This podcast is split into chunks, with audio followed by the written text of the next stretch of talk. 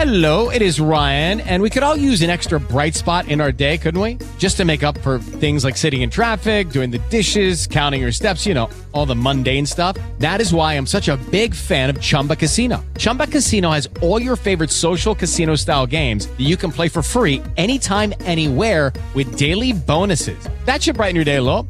Actually, a lot. So sign up now at chumbacasino.com. That's chumbacasino.com. No purchase necessary. VGW Group. Void were prohibited by law. See terms and conditions. 18 plus. Qardaş bu viruslara nə vaxt canımız qutaracaq? Yeri gəlmişkən tıxac virusu başladı ya. Bax, təsəvvür edin ki, Kaspian Plazadan bura bir 4 kilometrlik, 3 kilometr yarım 4 kilometr yoldur Şərifzadəyə, İctimaiyə. Mən 1 saat yarıma gəlmişəm.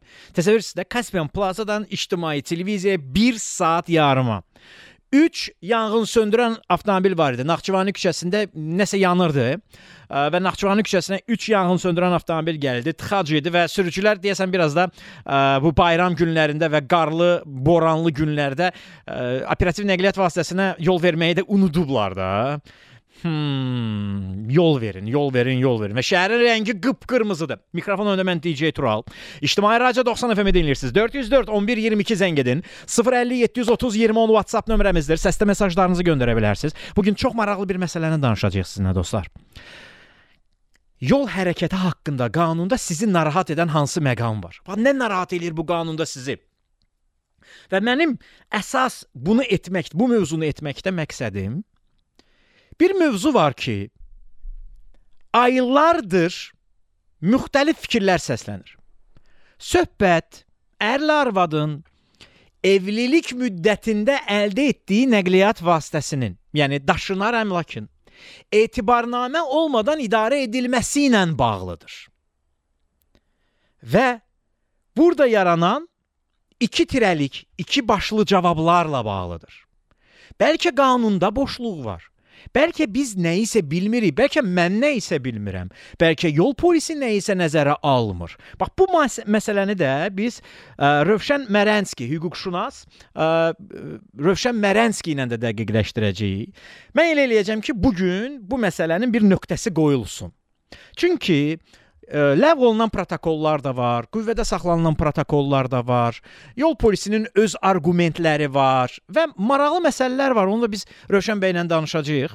404 11 22 zəng edirsiniz. 050 730 20 10 WhatsApp nömrəmizdir. Səslə mesajlarınızı göndərə bilərsiniz. Bizi dinləyən ə, arasında dinləyən dinləyicilər arasında hüquqşünaslar da var. Bizi dinləyənlər arasında Ədliyyə Nazirliyinin əməkdaşları da var. Biz yeri gəlmişkən Ədliyyə Nazirliyinə sorğu da göndərmişik ki, bu necə nizamlanır da? Yəni etibarnaməni də verən sizsiz, nigahı da qeydə alan sizsiz, nigahı da pozan sizsiz. Qardaş, burada nə edirik biz? Yəni kim ə, əgər arvadın və ya arvad ərin maşınını sürürsə, ona ə, etibarnamə lazımdır yoxsa yox? Bax bu barədə ə, onlara sorğu göndərmişik və bunu nəzarətdə saxlayacaq onların cavabı gələn kimi biz açıqlayaq. Amma Rövşən Mərənski ilə də söhbətimiz olacaq. 404 11 22-yə zəng edirsiniz. 050 730 20 10 WhatsApp nömrəmizdir. Səslə mesajlarınızı göndərə bilərsiniz. Mənim adım Turaldır. Yol hərəkəti haqqında qanunda sizi narahat edən hansı məqam var? Bu barədə danışırıq.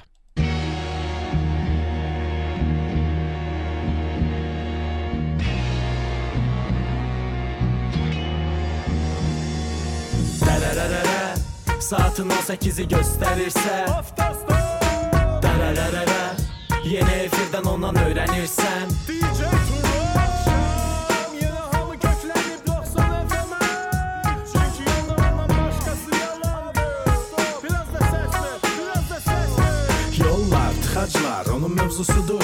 Bu iki tərəfli oyun amma o udur Ölkədə hamının üstünə qaçdığı Yol hərəkəti haqda mövzular açdığı Adam odur, artıq hamı onu belə tanıyır. Çox adam onu bilməyəcək deyə sınıyır. Amma bayaq dediyim kimi o bilir işi. Yol qayda qanunları onun vərdişi Axşam saat 6 oldu hamı qonur eyni dalğaya. Artıq 11 ildir ehtiyac yox yeni dalğaya. Yoxlanılmış şeylər yaradır deyər Ona görə hər axşam onu dinləməyə dəyər. Bax dostum, əgər sən bir gün yaransa sualın utanma, çəkinmə. Dərhal axtar tap turalı 012 404 11 22 Yığ və efirə qoşaq biz zəngi Biz zəngi Biz zəngi Yolda.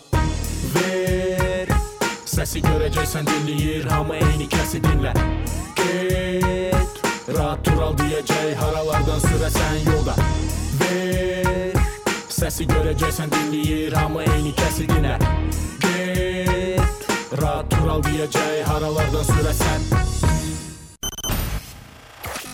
012 404 1122 bizə zəng edib ürəyinizi boşalda bilərsiniz. 050 730 2010 WhatsApp-dan səsli mesajlarınızı gözləyirik. Avtostopda efirdə mənim adım Turaldır, İctimai Radio 90 FM dinləyirsiniz. Yol hərəkəti ilə bağlı ürəyiniz hardan istəyir sual verin, cavab verəcəm. Şəhərdə tıxacdır. Efirdə avtostopdur. Yeri gəlmişkən 1 saat yarıma gəlmişəm 3 kilometr yarım yolu. Ə, Əsəbləşməmək üçün ə, yüzlərlə üsullardan istifadə edirdim. Audio kitaba qulaq asıram, yüksək səslə fikrimi heç nə yayındırmasın, diqqətlə gedirəm, gedirəm. Amma adam əsəbləşir. Biri ikinci sırada saxlayıb, biri zibil boşaldır, biri ə, portağal alır, o birisi burnunu qaşıyır. Hər bir işlə məşğuldur yolun ortasında və vəziyyət də bir qədər də ürək açan deyil şəhərimizdə. Ə, Şəhərin rəngi qıpqırmızıdır. Telefon xəttimizdə Vüqar var. Vüqar salam əleykum. Salam, hər vaxtınız. xeyir. Aqibətiniz xeyir necəsiz Vüqar bəy? Sağ olun mənim. Allah razı olsun. Siz yaxşı olasınız. Təşəkkür edirəm. Vüqar bir söz soruşacağam sizdən. Buyurun mənim. Biz nəyin yaxşı, nəyin pis olduğunu nədən bilə bilərik? Onu valla zaman göstərər. Biz onu bilə bilmərik. Yəni ə, niyə bilə bilmirik ki? Məsələn, mən bir dənə bir şey bilirəm ki, Tural müəllim. Aha. Mən 23 ildir, daha önce 24-cü ildə mən avtomobil idarə edirəm. Aha. Mən bu 24 il ərzində Hə. bilirəm ki, yol polisinin işçilərində nə deyimsə, bu qayda qanunu e, bilmənlər olub olacaq. Hal-hazırda da var. Yol Mən bunu polisində. bilirəm. Bəli, yol polisində. Sürücülərdə də var da eləsi. Söz yox, sürücülərdə də var, söz yox. Sürücülərdə də var. Amma bu yol Aha. polisi öz aramızdır. Dövlətin işçisidir. Bu çinində pagon daşıyır. Bu yol e, polisi işçisi əgər qanunu bilmirsə, sürücüyə protokol yazır ki, get şikayət elə, ver məhkəməyə, nə inişən elə. Mhm. Amma sonra ki, yəni mənim başıma gəldi, bir dəfə belə bir hadisə olub, mə məhkəmə o həmin e, protokolu ləğv eləyib, 3 ildir mən elə pulumu almamışam. Ha, geri almaq istəyirsiniz pulunuzu. Yox, vəbşə o heç o, o, o, olub keçib o, onu demirəm, o da getdi. Bax, mən- Yaxşı mən nəyin bu- nədən pis, nəyin yaxşı və ya nəyin pis olduğunu nədən hiss eləyə bilirsiniz ki? Məsələn, hal-hazırda verdiyiniz qərar, misal üçün, bu qərar, verdiyiniz qərar, X bir qərar, düzdür ya səhvdir? Hardan bilirsiniz? İnsanın ağlı var, şuuru var, dərrakəsi var, q- qayda qanunu var. Məsələn, ondan bilirəm ki, Hə. məsələn, qanunla deyir ki, yol işarəsi düzünə və sağadır. Aha. Sən düzünə və sağa gedə bilərsən. Nə də bura sol dönə bilməzsən ki. Aha. E, geri qayda bilməzsən. Aha. Amma sən düzünə getsən, sən saxlayırsan protokol yazır. Aydındır. Yaxşı, e, bir söz soruşum. Buyurun. A, yol hərəkəti qanununda sizi narahat edən hansı məqamlar var? Valla valla valla elə çox məqamlar var. Məsələn də, ki? məsələn hansı birini dinə də. Yəni hansını məsələn- birini dinə. Bax birini deyəndə mənim ayın 13-də başıma bir hadisə gəlib, sual müəllim. Mhm. 28 Mart küçəsindən gedirəm. Sıxılıqdır. Ara saxlayırsan, araya maşın girir. Aha. Yo- Yerdə də işarənin yarısı pozulub, yarısı var. Amma e, yolda 8.1 işarəsi yoxdur. Hansı zola hara getməli? Bu yoxdur. Yolun sağında n- n- yol işarəsi var, düzünə və sağa. Mən də ikinci zolaqla sağla düzünə gedirəm. Mənə nə protokol yazılmalıdır? Zolaqda nə işarəsi var? Bəs zolaqda nə işarəsi var? Yerdə deməli sağadır. O da görünmür. Yarı pozulub, yarı qalır. Həm də sıxılıqdır. Amma də ki yolda yolun sağında qanun verir, əmredici nişan düzünə və sağadır. Qaydalar da aydındır. E, qaydalar isə əslində deyir ki, bəli. Ə, ümumiyyətlə ə, zolaqlar üzrə hərəkət yol nişanı varsa, zolaqlar Bəli. üzrə hərəkət yol nişanında ə, mütləq qaydada ə, yuxarıdan asılan o 5.8.1, 5.8.2 işarələri olmalıdır. Yoxdur. Ha, bu O yoxdur. yoxdur. Mhm. Yoxdur. Ancaq yolun kəsişməsində sağda tində, düzünə və sağadır. Yerdəki işarəni mən görməyə bilərəm. Yarı pozulub, probkadır, sıxılıqdır. Yol polisi də mənə deyir ki, əmredici nişan var. Deyir qardaş, gedək mənə əmredici nişanı göstər. Deyir o da yerdə görsən, deyir 3 dənə var yerdə, təkrarlanır deyir. O zolaqlar Deyirəm, üzrə hərəkət yol nişanıdır, əmredici deyil. Əmredici sağdakıdır. Amma zolaqlar Ay, sol. Amma Bəli, onun da dediyi başqa bir şey var. Bax bu da qanunda olan ə, iki başlı olmasıdır. Deməli qanunun özündə yazılıb ki, nişan yerdə də çəkilə bilər və ya göydən də asıla bilər. Halbuki Bəli. göydən asılması ilə bağlı ayrıca bir qayda var. Amma yol hərəkəti haqqında deməli yol patrul xidməti haqqında təlimatda yazıb ki, yol patrul xidmətinin əməkdaşı yolda olarkən yol hərəkəti haqqında qanunun ən son nəşri onun əlinin altında olmalıdır. Çünki o yol hərəkəti haqqında qanunla işləyir. Qanunda yazıblar ki, və ya və ya, yəni ya ola belə, belə də ola bilər, belə də Bəli. ola bilər. Başqa bir qərarda Daha doğrusu standartda bu var, amma o yazmayıb ki, yol polisi ona baxmalıdır. Ona görə yol polisi onu yazanda bir tərəfdən haqlıdır, amma dərininə enəndə görürük ki, a, burada axı başqa şey də var. Yəni bax belə iki başlı şeylər var bizim qanunvericimizdə. Çox təəssüf Mən onu dedim də burada e, yol nişanı ziddiyyət təşkil edir. Mən. Yer, yerdə tıxaçdır. Yol görünmür. Nə edirəm? İşarəni görmək mümkün deyil. Mənə deyirsən sola çıxa bilərdin. Sola çıxmaq üçün də arxadan maşınlar gəlir, düzünə gedir. Çıxa bilmirəm. Mən onu təhlükəli saymışam, sola çıxa bilməmişəm. Amma baxım ki, yolun sağında yol nişanı düzünə və sağadır. Mən də ikinci zolaqla düzünə hərəkət eləmişəm. Valla şəhərin indiki məqamında yalnız göyə çıxmaq olar, başqa yerə çıxmaq Yox, mümkün sən deyil. nə öz aramızla Turan müəllim, bir gəlin bir elementar bir şey fikirləşək. Sürücü yerə baxmaya bilər. Zola- Elə yerdə var ki, Görməyə görməyə bilər, bəli. Bəli. Elə yerdə var ki, yerdə işarə pozulub. Məsələn, bax bir dənə sizə bir şey, elementar bir şey deyim. 28 mayın dairəsi var ya bu. Bəli. Vağzal dairəsi. Orada bir ara şey vardı. s- Elə bir şeydən gələndə bu metro yanından gəlib geri qayıtmaq üçün orada 40-40 işarə var idi. Geri qayıtmaq üçün. Bəli. Sonra yağış oldu, palçıq oldu, nə oldu? Orada qaydanın opşunun hamısını cərimlədilər ki, buradan qayıtmaq olmaz. Bu işarə ləğv olunub. Arkadaş orada işarə var. Ben qayna kimi o yerdə 40-40 idi. Bəs bu qayda bunu görürdü yol polisi. Dedi yox, indi o tədə xətt çəkiblər. O Qayda bilmərsən. Aydındır. O, o pozulmuşdu. Şimdi burada da Qrem qardaş mən burada yol nişanına baxmışam. Yol nişanının tələbini pozmamışam. Düzünə getmişəm. Yaxşı, əgər mən e, orada qaydanı pozmuşamsa mən sizinlə razıyam. Ev yoxdur. Mənim solumdakı maşınlar mənim solumdan sağıma dönüblər. Orada yerdə zolaq düzünədir. Onda bunlar da cərimə düşür, belə düşür. Yox, burada yerdə əmredici nişan yerdə var. Demək əmredici nişan yerdə olmur. Bu yuxarıda asılmalıdır. Göz görən yerdə asılmalıdır. Aydındır Vüqar. Təşəkkür edirəm, çox sağ olun. Ə, bax görürsüz, indi adam qalır belə nə düzdür, nə səhvdir. Onu ona görə əlavə sualımız var. Nəyin düz və nəyin səhv olduğunu hardan bilməliyik? Ə, yeri gəlmişkən, ə, həyat yoldaşının avtomobilini idarə etməklə bağlı məsələ ə, əslində çox primitiv bir məsələdir. Əslində yol hərəkət təhlükəsizliyi ilə heç bir əlaqəsi olmayan, amma sürücü ilə ə, yol patrul xidmətinin əməkdaşı arasında olan ə, fikir ayrılığını gətirən, mübahisələr yaradan bir məqamdır. Bir tərəfdə ailə məcəlləsi var, bir tərəfdə mülki məcəllə var, bir tərəfdə isə yol hərəkəti haqqında qanun inzibati xətalar məcəlləsi var. Yol polisi işləyir yol hərəkəti haqqında qanun və inzibati xətalar məcəlləsini. Ailə məcəlləsi, mülki məcəllə, çünki yol patrul xidməti inspektorları hüquqşünas deyillər. Ə, onlar açırlar yol hərəkəti haqqında qanunu, nəqliyyat vasitəsini idarə etmək üçün ə, hüquq verən ə, sənədlər, orada nikah şahidətnaməsi yoxdur, ona baxırlar. Bu arqumenti mən qəbul eləyirəm, bəli. Ə, mütləq qaydada nəqliyyat vasitəsinin idarə edən şəxsin sənədləri siyahısında yenilənmə olmalı və bu ora qeyd olunmalıdır. Amma gəlin belə eləyək. Bu məsələni ə, nə mən şərh verim, ə, qoy buna şərh versin hüquqşünas. Biz Rövşən Mərənski ilə, hüquqşünas Rövşən Mərənski ilə reklamlardan həmən sonra danışacağıq. Görəsən bu söhbətin axırı necə olacaq? və əslində necə olmalıdır? Nələrə diqqət eləməlidir sürücülər və dostlar? Artıq dərəcədə xahiş edirəm. İstəmirsiniz başınız ağrısın. Ən salamatı nədir? Mobil notariat proqramı var. Mobil notariat proqramı heç bir notariusa getmədən, heç bir notariusun qabağında növbə gözləmədən, qapısını döymədən ər və arvada həyat yoldaşları arasında 5 manat 40 qəpik ödəniş etməklə sürmə etibarnamənizi verin, telefonda da o etibarnaməni saxlayın. Məsələ budur. Hə, yol polisinin başqa arqumentləri də var. Onunla bağlı mən reklamlardan sonra Rövşən bəylə danışacağam. Avtostop davam edir. 012 404 1122 Yayımımıza qoşula bildinizsə, deməli sizin çox gözəl bəxtiniz var. 050 730 2010 Nə sualın varsa WhatsApp-a yaz. Avtostop efirdədir dostlar. Mənim adım Turaldır. İctimai Radio 90 FM-i dinləyirsiniz. Yol hərəkəti ilə bağlı ürəyiniz hardan istəyir sual verin. Mən sizin sualınıza cavab verəcəm və bu gün biz yol hərəkəti haqqında qanunda sizi nə narahat eləyir? Qanunda narahat edən məqamlar hansılardır? Bu barədə danışır və ən narahat edici məqamlardan biri sözün açığı məni həqiqətən narahat eləyir.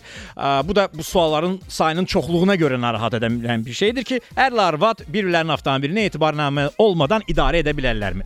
Bununla bağlı efirdə dəfələrlə danışmışıq, bilirsiniz və yol yol polisinin də münasibəti var. Onlar deyirlər ki, yol hərəkəti haqqında qanunda inzibati xətalar məcəlləsində belə bir şey nəzərdə tutulmayıb. Həm də ə, bir etibarın, heç olmasa sürmə üçün etibarnamə olmalıdır ki, biz müəyyən edək. Ə, bu ümumi əmlakdır yoxsa yox, onda ümumi əmlak üçün bir notarial qaydada təsdiqlənmiş sənəd alsınlar. Amma biz bilirik ki, elə məhkəmə qərarları var ki, həmin protokollar ləğv olunub, elə məhkəmə qərarları var ki, həmin protokollar qüvvədə qalıb. Nədir bu iki başlı yanaşma? Nədir bu ayrılma və əslində necə ola bilər? Əslində necə olmalıdır? Necə qiymətləndirmək olar? Bax bu barədə biz hüquqşünas Rövşən Mərənski ilə danışmaq istəyirik. Rövşən bəy, axşamınız xeyirli olsun. Hər vaxtınız xeyir Sural bəy. Necəsiz Rövşən bəy? Çox sağ olun, təşəkkür edirəm. Çox sağ olun. Ə, Rövşən bəy, əsas suallardan biri ərlə arvad nikah müddətində əldə etdikləri əmlakı bir-birinə etibarnaməsiz verə bilərlərmi? Ə, qeyd edim ki, hazırda işdəyəm. Efirinizi başdan dinləməmişəm. Ola bilər təkrarçılığa yol verə bilərəm. Okey, heç bir Dinləməmişəm, yoxdur. Mənə qədər nə deyibsiz? Hı -hı. Sual aydındır. Mülki məcəllənin 225-ci maddəsi var. Həmin maddə deyir ki, ərlə arvadın nikah dövründə qazandıqları əmlak əgər nikah kontraktında və ya onlar arasında başqa razılaşma yoxdursa, onların ümumi mülkiyyətidir. Ha belə, Ailə Məcəlləsinin 32-ci maddəsi də deyir ki, Hı -hı. nikah müddətində ər arvadın əldə etdikləri əmlak onların ümumi birgə mülkiyyəti sayılır. Hı -hı. Yəni arvadın adına olsa belə ərin də mülkiyyətidir və əksinə. Hı -hı. Bundan başqa qeyd edim ki, Ailə Məcəlləsinin 33-cü və Mülki Məcəllənin 225.6-cı maddəsi var ki, həmin maddənin tələbinə əsasən ər arvadın ümumi əmlakı üzərində sahiblik, istifadə və sərəncam hüququ onların qarşılıqlı razılığı əsasında həyata keçirilir.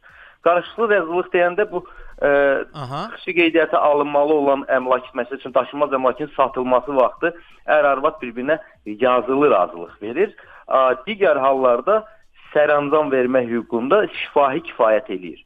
Yəni Bundan sabahları üzr istəyirəm sözünüzü kəsərəm. Sabahları həyat yoldaşı desə ki, mən ona razılıq verməmişəm, onda yol polisinin cərimə yazmağı doğru olur? Onda ə, mülkiyyətçi birinci öncədən müraciət eləməlidir ki, mənim avtomobilim qaçırılıb məndən icazəsiz. Aa, aha.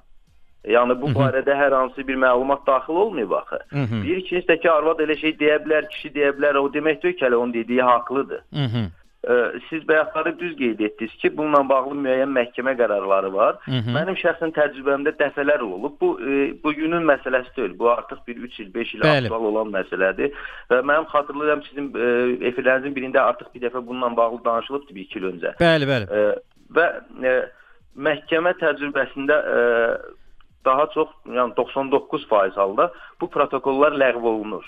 Çünki Ali Məhkəmə plenumun e, üzr istəyirəm, Konstitusiya Məhkəməsi plenumunun qərarı var. Mhm. O, o yuxarıda qeyd etdiyim maddələrin şərh edilməsinə dair. Aha. Orada deyir ki, ər arvadın rəsmi reyestrdə qeydə alınmalı olmayan ümumi daşınar əmlakı üzərində sərəncam əqdini onlardan biri həyata keçirirsə, yəni avtomobili kişi sürürsə arvadın adına olduğu halda, Mhm. bu halda güman edilir ki, o digərinin razılığı ilə hərəkət edir.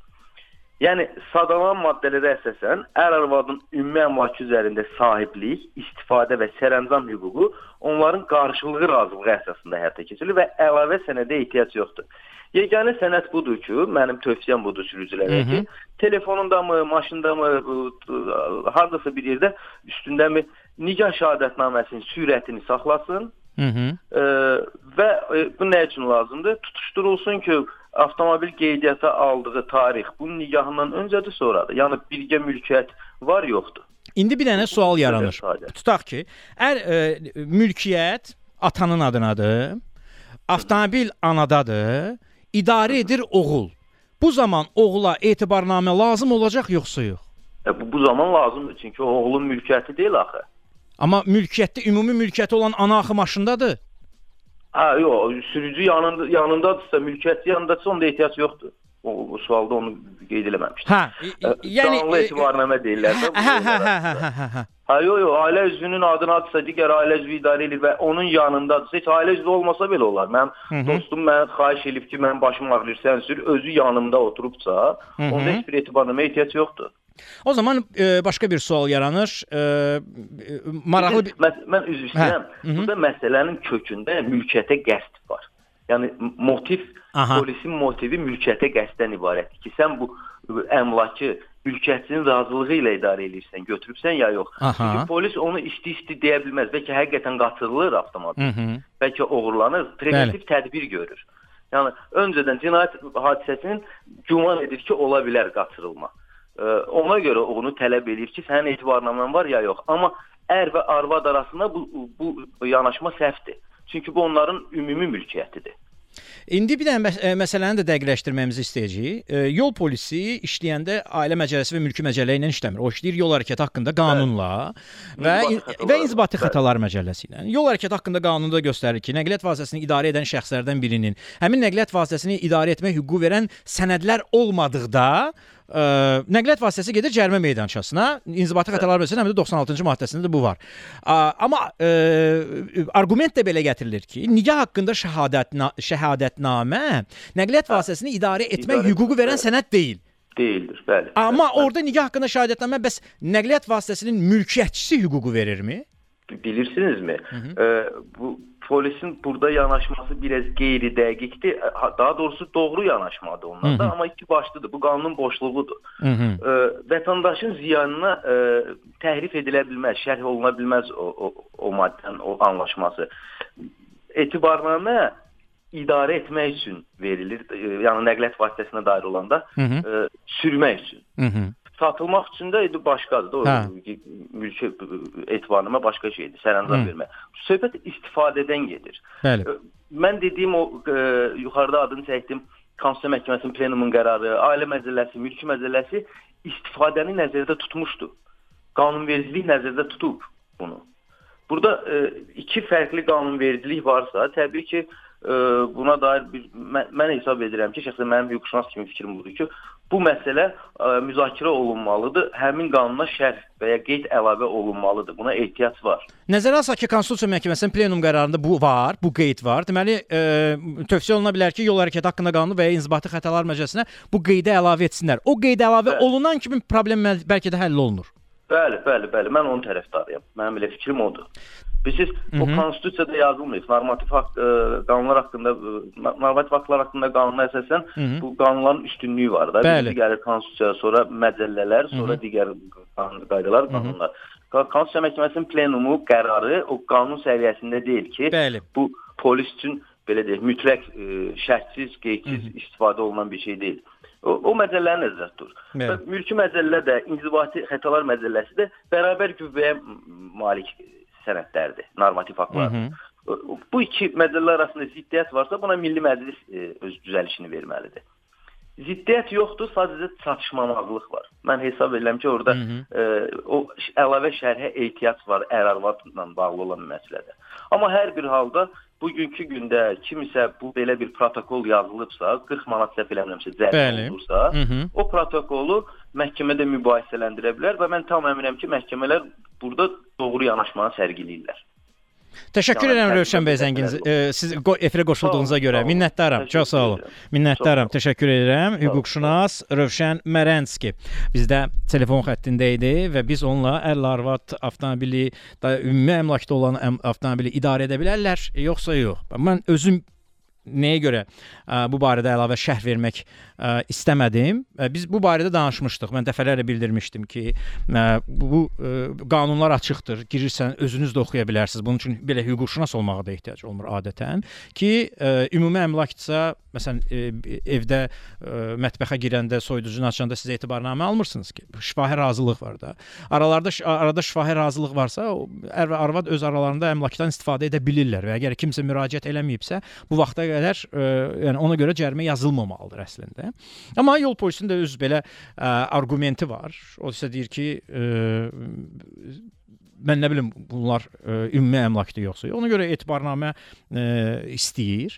Ə, Nigah haqqında şahadətnamə avtomobildə olarsa, artıq nəqliyyat vasitəsinin ə, e, qeydiyyata alındığı tarixlə Nikah haqqında şahadətnamənin e, qeydiyyata alındığı tarixi tutuşduranda bilmək olur ki, bu nikahdan əvvəl alınıb, yoxsa nikahdan sonra alınıb. İndi ikinci başqa bir məsələ yaranır ki, qeydiyyat şahadətnaməsində axı e, biz hardan bilək ki, bu ümumi əmlakdır? Çünki hədiyyə olunmuş əmlak ümumi əmlak hesab edilmir. Hədiyyə olunmuş. Amma qeydiyyat şahadətnaməsində qeydiyyat üçün əsas yazılır. Hədiyyədir, barterdir, yoxsa ə, tutaq ki, alqı-satqı müqaviləsidir. Əgər alqı-satqı müqaviləsi də bu ümumi əmlakdır. Və ə, qanunda da ə, nələr ümumi əmlakdır, hamısının siyahıdır olaraq göstərilib. İlham Nəsirov telefon xəttindədir. İlham bəy salam əleykum. Salam, salam, bəlim, axşam. Aqibətiniz xeyir, ne- necəsiz? Sağ olun, yaxşı olasınız. Siz necəsiz? Təşəkkür edirəm. İlham bəy, Bəli, bəli. biz nəyi ə, nədən bilə bilərik ki, nə yaxşıdır, nə pisdir? Okay, round two. Name something that's not boring. A laundry? Ooh, a book club. Computer solitaire, huh? Sorry, we were looking for Chumba Casino. That's right. ChumbaCasino.com has over 100 casino style games. Join today and play for free for your chance to redeem some serious prizes. ChumbaCasino.com. No purchase necessary. Void where prohibited by law. 18 plus terms and conditions apply. See website for details. With the Lucky Land slots, you can get lucky just about anywhere. This is your captain speaking. Uh, we've got clear runway and the weather's fine, but we're just going to circle up here a while and uh, get lucky. No, no, nothing like that. It's just these cash prizes add up quick. So I suggest you sit back, keep your tray table upright, and start getting lucky. Play for free at LuckyLandSlots.com. Are you feeling lucky? No purchase necessary. Void where prohibited by law. 18 plus terms and conditions apply. See website for details. Vallahi yaxşı pis, valla kim özünə nə sərf edirsə, hamısına özünə görə ki, yaxşı sərf edəni yaxşı deyirəm. Kimə nə vaxt sərf edirsə, özünə sərf edəndən ancaq yaxşı deyir. Sərf eləyəndə yaxşıdır, sərf eləməyəndə Bəli, pisdir, hə? Bəli, bəli, bəli. Mən də bir haqsızlıqla rastlaşmışam. Əsas da bu son məqam, son vaxtlarda bu qayıqların dövlət yol polislərinin dayanma durma ilə bağlı bilmirəm hı. dövlət yol polisidir. Deməli ayın 1-i yanvar axşam deməli mən taksi sürücüsüyəm. Müştərini düşürmüşəm. Bu hökumət evinin yanında Dəniz Mall var. Orada ticarət mərkəzi var. Ticarət mərkəzlərindən biri. ad- Hə. Deməli onun qarşısında taksi duracağı yer var. Taksilər üçün ayrılmış xüsusi bir yerdir. İşarəsi də var. Mən orada maşını saxladım, müştərini düşürtdüm və öz şəxsi ehtiyacımı ödəmək üçün ticarət mərkəzinə daxil oldum. Taksi duracağında. Mhm. Və mən ora girməyimlə gördüm telefonuma mesaj gəldi. Heç 2 dəqiqə, 3 dəqiqə çəkər çəkməzdi. Mesaj gəldi ki, zəhət dayanma durma qaydasını pozmusunuz. Amma mən taksi duracağındayam ha. Şəkil gəlin mənə BNA-dan. Deməli, Taksi şəkildə duracağında mən- necə dayanmısan? Bəlkə dayanma formasını pozmusan? Elm, yo, yo, yo, elm eyni necə lazımdırsa qaydasında maşınlar kimi sərgidə mən də duyam. Yox, yox, çox üzr istəyirəm. Qaydasında Bəli. nədir? Əgər dayanma forması göstərilmirsə, sən səkiyə paralel saxlamalısan. Yox, yox. İndi dayan sə- səkin düz üzü yola tərəf. Yəni necə? Üzü yəni getdiyim istiqamətdə maşınlar necə dayanır? Mən də onların arxasında. Bax, perpendikulyar çəpəki dayanmısan, yoxsa paralel dayanmısan Yox, şeyə? Düz dayanmışam. Düz yolla getdiyim səmtdə dayanmışam. Aydındır. Paralel dayanmısan. Aha. Bəli. Deməli mesaj gəldi. Bu şəkildə də nə qeyd olunur? 3 dənə şəkil gəlib. Biri salonda heç kim olmadığıdır bu aydın məsələdir. İkinci şəkildə qadayama durma qadağandır znak var, altında maşının şəkli yoxdur. Nə nömrəsi, nə maşın yoxdur. Üçüncü şəkildə də nə var? Deməli, maşın var, amma üstləri üstündə dayanma durma qadağandır işarəsi yoxdur. Nə də bir balaca yuxarı eləsə orada taksi dayanacağının znakı var. Düz onun altında saxlamışam. Düz onun altında. Nə o znak yoxdur. Onu elə çəkiblər ki, deməli yuxarıda taksi başımın üstündə taksi dayanacağıdır. O znak düşmür. Amma maşının şəkli var. Sonra da dayanma durma qadağandır znakında znak var, amma maşının nömrəsinin şəkli yoxdur. Belə bir şey olurmu? Əgər mən qadağan olmuş yerdə saxlamışamsa, znakı çəkirsən, znakın altında da maşın. Elə elə kadrdan maşın da düşdürür. Sən necə sübut edə bilirsən? Qardaş bu belə şey olmur valla. Taksi yoxsa qəpik quruşa işləyir. Yox, ey, mən mən, mən bir dənə söz soruşum sizdən. Buyur qardaş. buyur Sizə o qardaş. cəriməni yazan orqan BNA-dır yoxsa yol polisidir? Binadır deyəsən, binadır yol polisi. Valla bilmirəm. Mən Ha, bir baxda sənə protokol yazıblar, bir baxda içinə. İnsanam. İnan Allah ki, mən prosta qəpik quruşa işləyirik. Kasıb insanıq da, kasıbçılığımızın dərdinə. Hamımızın problemimiz var. E, güclə dolanırıq. Ha, Bu şey işte şey gəl bu cəriməni də heç nədən haqsız yerdən insana bu cərimə yazılmağa adamı İlham bəy, mən sizi çox gözəl başa düşürəm. Mən sizi anlayıram. Hətta özümü qoyuram sizin yerinizə. Ə, Siz taksi duracağında avtomobili saxlayırsınız və çıxıb gedirsiniz, sizə cərimə yazır. Sizin yerinizə qoymuşam özümü. Sizə cərimə yazılır. Cərimədə baxırsınız şəkilə ki, sizin ətrafda qaydanı pozub pozmadığınızla bağlı işarə yoxdur, amma sizin avtomobiliniz ordadır. Birincisi, qanunvericiliyə əsasən təkrar edirəm bunu və daim də bu məsələni, bu fikri müdafiə etmişəm. Qanunvericiliyə əsasən kameralar vasitəsilə dayanma durmanın qeydə alınması qadağandır. Şəhər kameraları ilə söhbət ondan gedir. Bu binanın quraşdığı kamera olsun, istəyir təhlükəsiz şəhər kamerası olsun, fərq eləməz. Qanun deyir ki, bu qadağandır. With the Lucky Land slots, you can get lucky just about anywhere. This is your captain speaking. Uh, we've got clear runway and the weather's fine, but we're just going to circle up here a while and uh, get lucky. No, no, nothing like that. It's just these cash prizes add up quick. So I suggest you sit back, keep your tray table upright, and start getting lucky.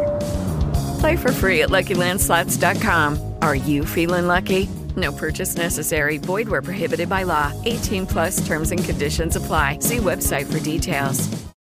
Lucky Land Casino asking people what's the weirdest place you've gotten lucky? Lucky? In line at the deli, I guess? Aha, in my dentist's office.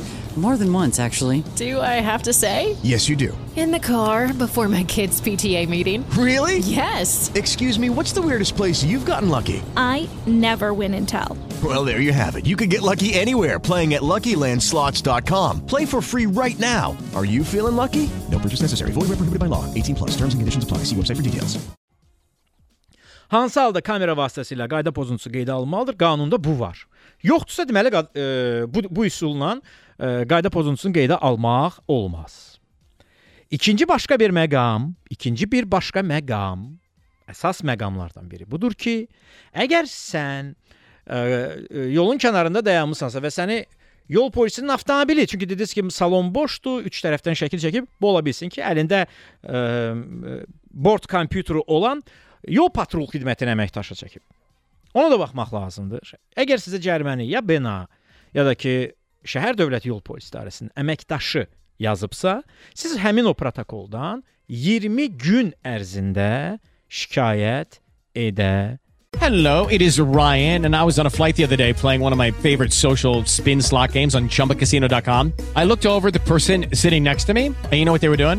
They were also playing Chumba Casino. Coincidence? I think not. Everybody's loving having fun with it. Chumba Casino is home to hundreds of casino style games that you can play for free anytime, anywhere, even at 30,000 feet. So sign up now at chumbacasino.com to claim your free welcome bonus. That's chumbacasino.com and live the Chumba life. No purchase necessary. Group. Void prohibited by law. See terms and conditions. 18 plus. bilərsiz və sizə tövsiyə edirəm ki, qanunvericiliklə sizə bu hüquq tanınıbsa, vaxt itirmədən 20 gün ərzində həmin protokoldan şikayət edin. Qaydaları pozmayıb nümunə olduğunuza görə sizi öpüb gözümüzün üstünə qoymaq lazımdır. Avtostop 2 saat efirdə olur. Ancaq siz yolda daha çox ola bilərsiniz. Yolda olduğunuz müddətdə nələri dinləyə bilərsiniz? Məsləhət görürük. Maşında tək olanda.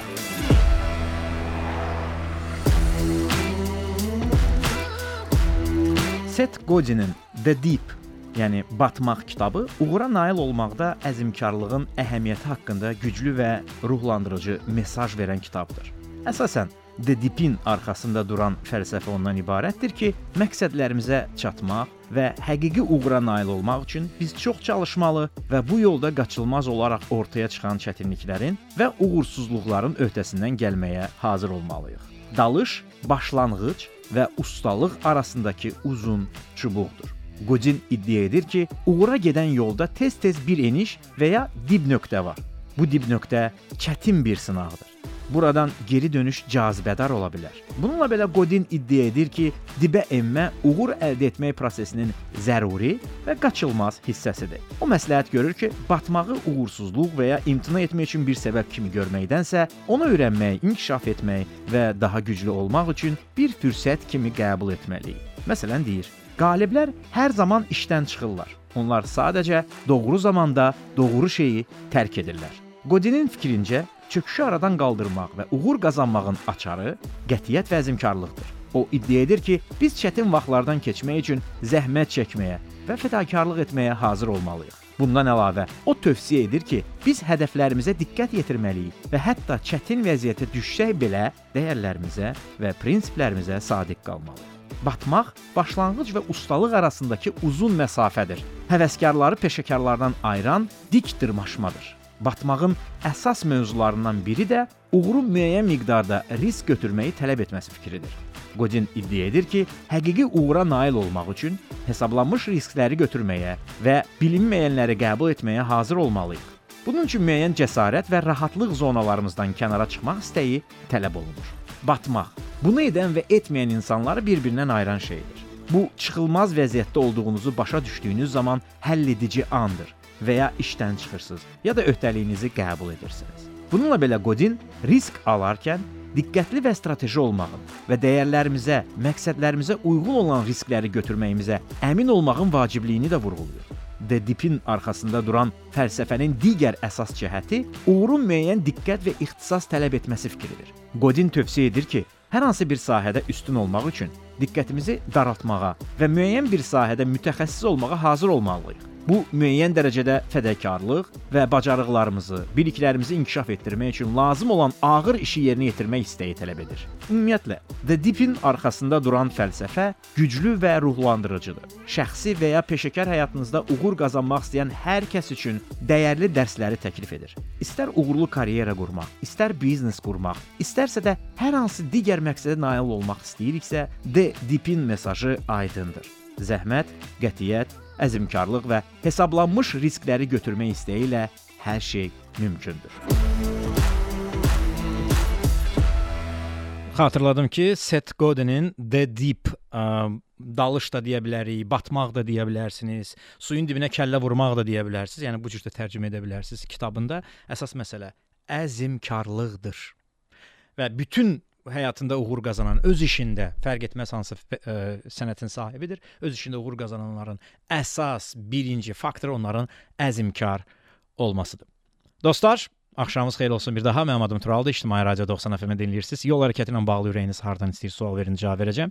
Mən qanundakı boşluqlardan danışırıq. Bu gün biz sizinlə yol hərəkətində hansı qaydalar, yol hərəkəti haqqında qanundakı nələr, hansı məqamlar sizi narahat eləyir? Bax bu barədə söhbət eləyirik. Ərlə arvad nigah müddətində əldə etdikləri əmlakı avtomobili, bir-birlərinin avtomobillərini etibarnaməsiz idarə edə bilərlərmi məsələsini hüquqşünas Rövşən Mərənski ilə danışdıq qanun nə deyir? Onu bizə açıq-aydın belə e, bənd-bənd bənd-bənd izah etdi. Yeri gəlmişkən həmin o səs yazısını Rövşən bəy ilə olan e, verilişdən olan hissəni və e, video görüntü olaraq bizim həm YouTube kanalımızda, həm TikTok səhifəmizdə, həm də Instagram səhifəmizdə olacaq ki, sizə uyğun e, vaxtda özünüz üçün dinləyəsiz, qeydlərinizi aparasınız və qanunu pozmadan avtomobilinizi rahat idarə edəsiz.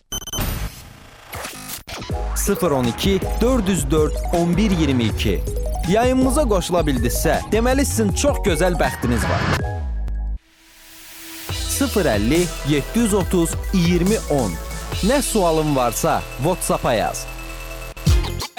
Avtostop efirdə mənim adım Turaldır. İctimai Radio 90 FM-i dinləyirsiniz. Yol hərəkəti ilə bağlı ürəyiniz hardan istəyir sual verin, mən sizin sualınıza cavab verəcəm. Və dostlar, deyin görək, qanunda hansı məsələlər sizi narahat eləyir?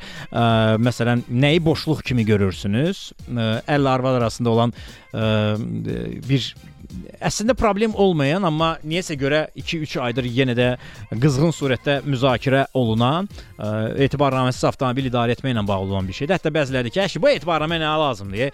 Əgər kimsə öz avtomobilinin oğurlanması ilə bağlı şikayət eləməyibsə, etibarnamə nəyə lazımdır? Məsəl üçün, tutaq ki, Amerikada etibarnamə yoxdur, götürürsən maşını idarə edirsən. Hə, Amerikada etibarnamə yoxdur, et götürürsən maşını idarə edirsən və hər xırda qayda pozuntusuna görə yol polisi sənə cərimə yazmır, sən gəlirsən məhkəməyə. Yəni hər şeyə görə gedirsən məhkəməyə. Çünki yol polisi bilmir axı avtomobildə e, sənin buna sahiblik hüququn var, sənin avtomobili qaçırtmısan, yoxsa yox, axtarış falan yoxdur. Sən protokolu yazır, deyir get məhkəmə ilə məsələ həll elə. Və sən gəlirsən məhkəməyə və məhkəmənin iş yükü artır.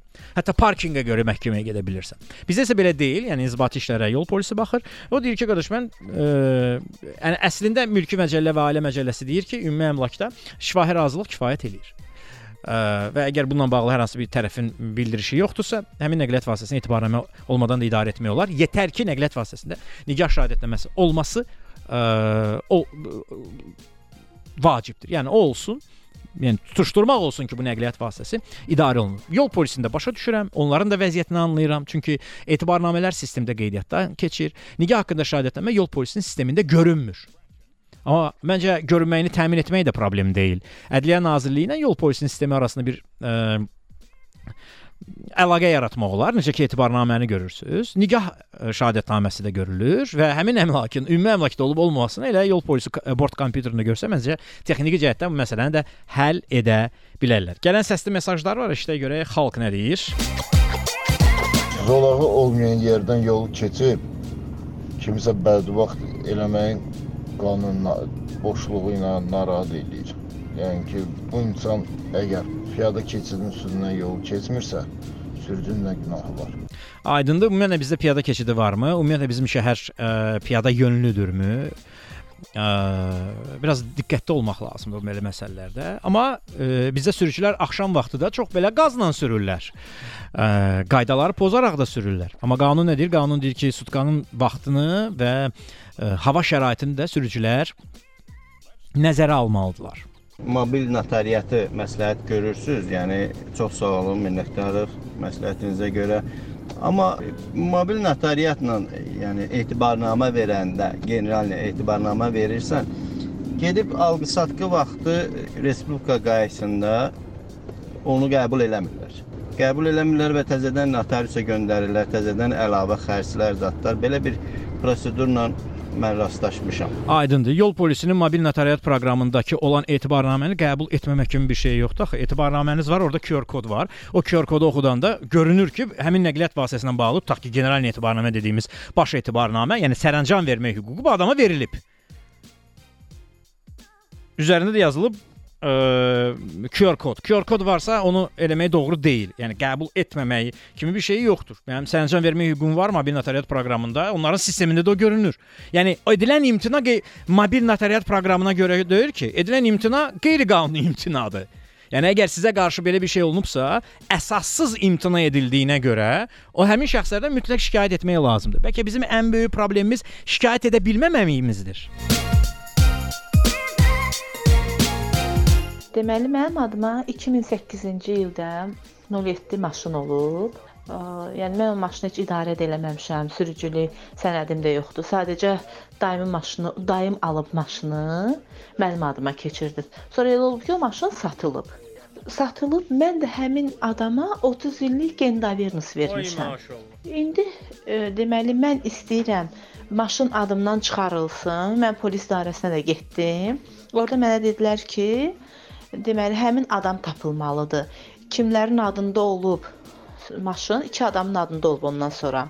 Davernislər onların iki nəfərin adında olub. Onların adını verdilər mənə. İndi axırıncı adamı mən tapdım. Nə vaxt tapa bilmirdim. Yardımlı rayonunda bir oğlandı, onu tapdım. İndi mən o oğlanla dünən danışıram, nömrəsini də tapdım. Danışıram, indi o oğlan deyir maşın məndə yoxdur. Maşın itib, nə bilim, maşın sökülüb, nəsə də, yəni maşın yoxdur əlimizdə, belə bir şey deyir. Tural bəy, mən indi hal-hazırda çıxılmaz vəziyyətdə qalmışam. Sadəcə mən inanın ki, bilmirəm hara müraciət eləyim ki, demək bu maşın mənim adımdan çıxarılsın. Həm sosial düzəltdirmək istəyirəm. 2 dənə az yaşlı uşağım var. Yəni çətin vəziyyətdəyəm də. Aydındır. Ə, Allah köməyiniz olsun. Birincisi dayı maşın alanda öz adına alsaydı daha yaxşı olardı. Heç olmasa dayı o maşını satanda da alqı-satqı müqaviləsi ilə satardı. Amma siz etibarnamə vermisiniz. Gərək alqı-satqı müqaviləsi verilərdi. Amma əmlak sizin adınıza qalıb. Ə, həmin nəqliyyat vasitəsi ilə bağlı siz yol polisinə şikayət edə bilərsiniz ki, mənim əmlakım var. Xahiş edirəm mənim əmlakım saxlansın və mənə təqdim olunsun. Əmlakım lazımdır mənə. Bu cür desək, loru dilində desək. Həmin əmlak tapılandan sonra, tapılandan sonra artıq ə, həmin nəqliyyat vasitəsinin ya çıxdaş olunması ola bilər. Yəni qeydiyyatdan çıxması üçün maşının kimisə adına keçməsi lazımdır, ya da çıxdaş olunması lazımdır. Yəni tutaq ki, hər hansı bir ə, emal istehsal müəssisəsinə ə, verilirsə, ə, qeydiyyatdan çıxması üçün maşının məhv olması lazımdır. Əgər o yardımında olan oğlan deyirsə ki, maşın yoxdur, itbat olub, nə bilim əzilib, ə, dəmirə verilib və s. nə qardaş onun qeydiyyat şahidətnaməsini mənə ver. Nəqliyyat vasitəsinin qeydiyyat şahidətnaməsi sizdə olmalıdır. Nəqliyyat vasitəsinin qeydiyyat şahidətnaməsini götürüb yol polisinə gedib onu çıxdaş olmasını, yəni maşın falan yerdə tutaq ki, ə, çıxdaş olunur, nəqliyyat vasitəsi verilib dəmirə, nə bilim ehtiyat hissələri parçalanıb və s. Bu, bu bu cür proses baş verməlidir. Və hər zaman dediyimiz bir məsələ, alqı, satqı etibarnamə ilə olmur. Alqı, satqı, alqı, satqı müqaviləsi ilə ə, təsdiqlənməlidir. Bir çoxlarımız elə bu səhv eləyirik. Yəni indi bilmirəm indi dayınız həyatdadır yoxsa yox. Məncə bu işlə siz yox, elə sizin adınıza o şeyi alan, ə, avtomobili alan dayınız eləməli idi. Əgər həyatdadırsa, məncə o qolunu çırnayıb yar yardımda maşının tapılması və ya nə bilim o qeydə şəhadətməsinin tapılması ilə məşğul ola bilər. Bakı vaxtı ilə saat 7 tamamdır. Şəhərdə tıxacda efirdə avtostopdur. Bu gün biz qaydalardan, qanunlardan danışırıq. Deyin görək, ə, yol hərəkəti haqqında qanunda sizi narahat edən nələr var? Nələr sizə belə ə, iki başlı gəlir, nələr sizə natamam gəlir, nələr sizə ə, hətta hüququnuzun tapdalanması kimi gəlir? Bu barədə söhbət eləyirik. 404 11 22 zəng edin. 050 730 20 10 WhatsApp nömrəmizdir. Səsli mesajlarınızı göndərə bilərsiniz. Mənim adım Turaldır. Avtostopun ikinci saatına xoş gəldiniz.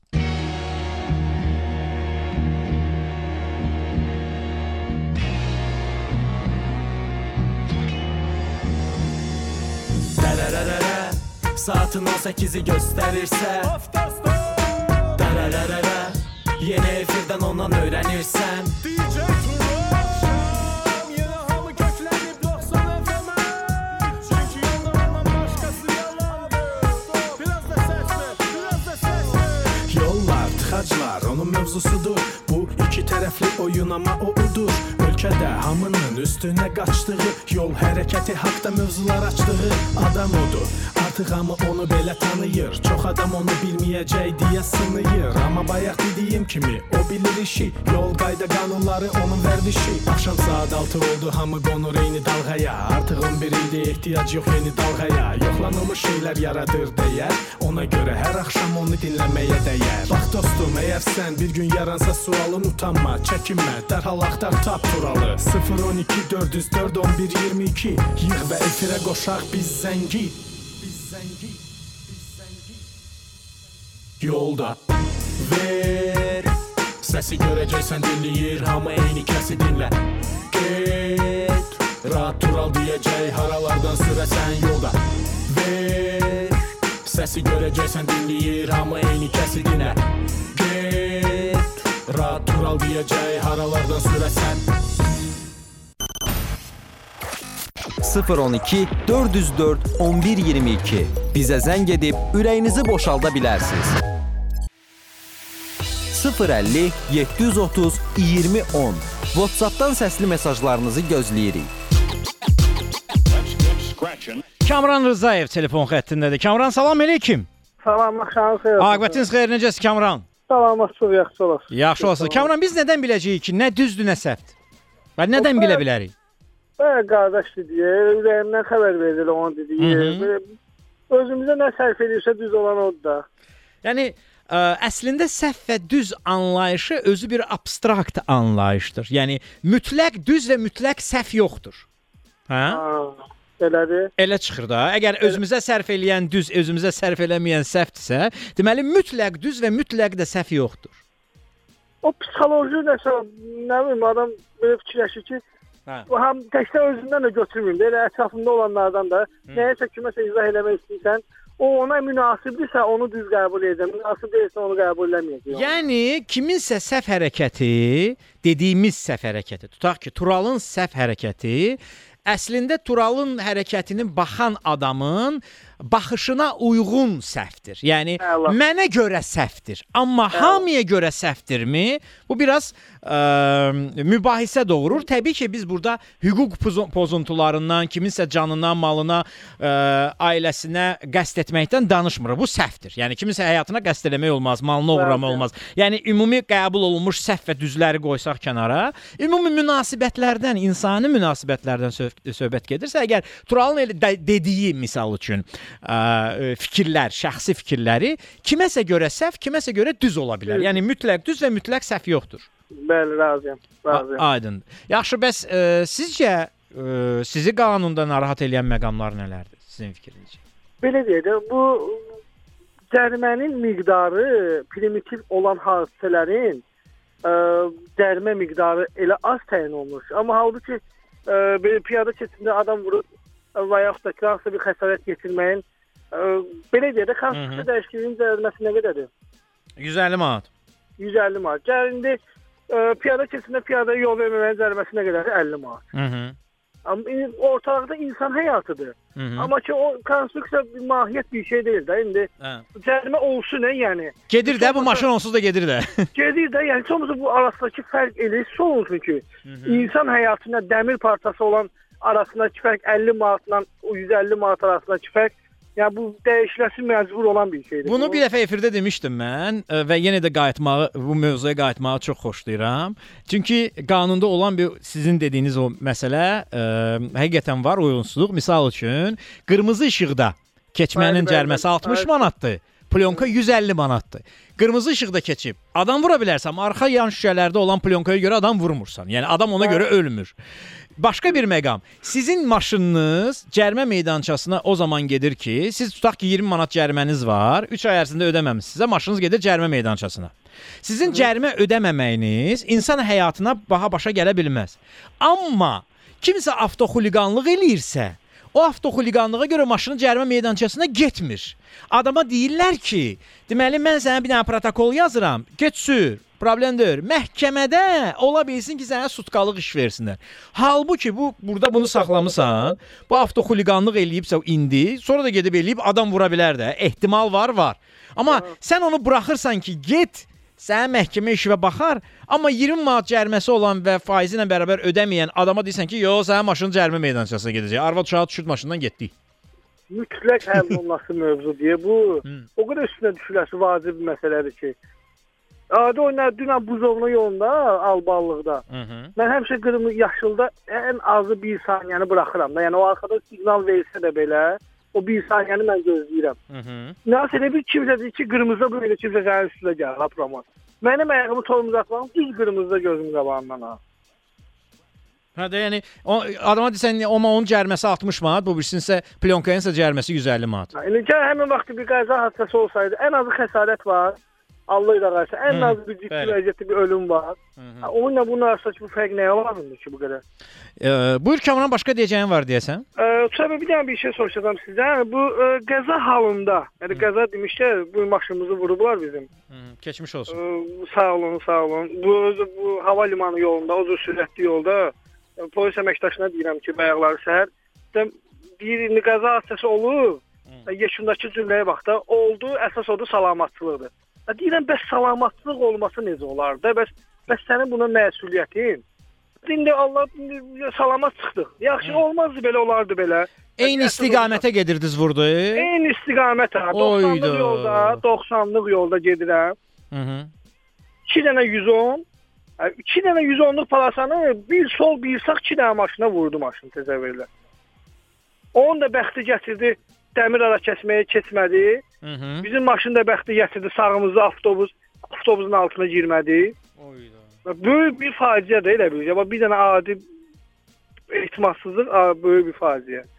Aha. Ə, Bu ardıcıllığı soruşmaq istəyirdim sizdən. Sığorta bu digər bütün səhvləşmələr oldu. Ə, sabah ə, bu patentata bu polis idarəsinə çağırıblar da bizi. Hı -hı. İzahat Ə, yazılır, günahkar şəxsə müəyyən olundan sonra protokol yazılır. 10 Aha. iş günü ərzində forma 4 sığorta şirkətinə onlayn qaydada göndərilir. Sığorta Aha. şir şirkəti bütün sənədləri əldə etdikdən sonra, bütün sənədləri əldə etdikdən sonra 7 iş günü ərzində ə, deməli, ə, ya ödəniş edir, ya da avtomobili təmir eləyir. 3 gün orada əlavə 3 gün söhbəti də var, yoxsa necə? Necə əlavə 3 gün? Ə, sığorta sənədləri aldı. Aldığı Ondan gündən sonra 7 gün. Hə, aldığı gündən 7 gün. 7 gün, bəli. Bütün sənədləri alandan sonra 7 iş günü ərzində ya ödəniş edir, ya da təmirə alır avtomobili. Aydın. Bir də bir şey soruşum. Video görüntünü mən ə, tələb eləyə bilərəm baxmaq üçün, yoxsa necə? Ə, birlikdə baxış keçirdə bilərsiniz hadisəyə. Çünki əgər orada mübahisəli məqam yaranırsa, Aha. ə, bu zaman birlikdə baxış keçirilə bilər. Mübahisəli məqam nədir? Yəni ki, bu soldakı maşını vurma anında Hmm. onun qabağına çıxır. Orada deyir ki, o məni vurub atır bizim maşının qabağına. Mhm. Hə də yəni ona görə mütləq ka kameralara birlikdə baxış keçirilə bilər. Onsuz da keçiriləcək. Onu tələb edə bilərəm də, yəni. onu- Əlbəttə, əlbəttə. Ha, Yəni mü- hə, istənilən mə- ə, mübahisəli məqamda yol polisi kamera sübutları və ya görüntüləri varsa ona müraciət eləyəcək.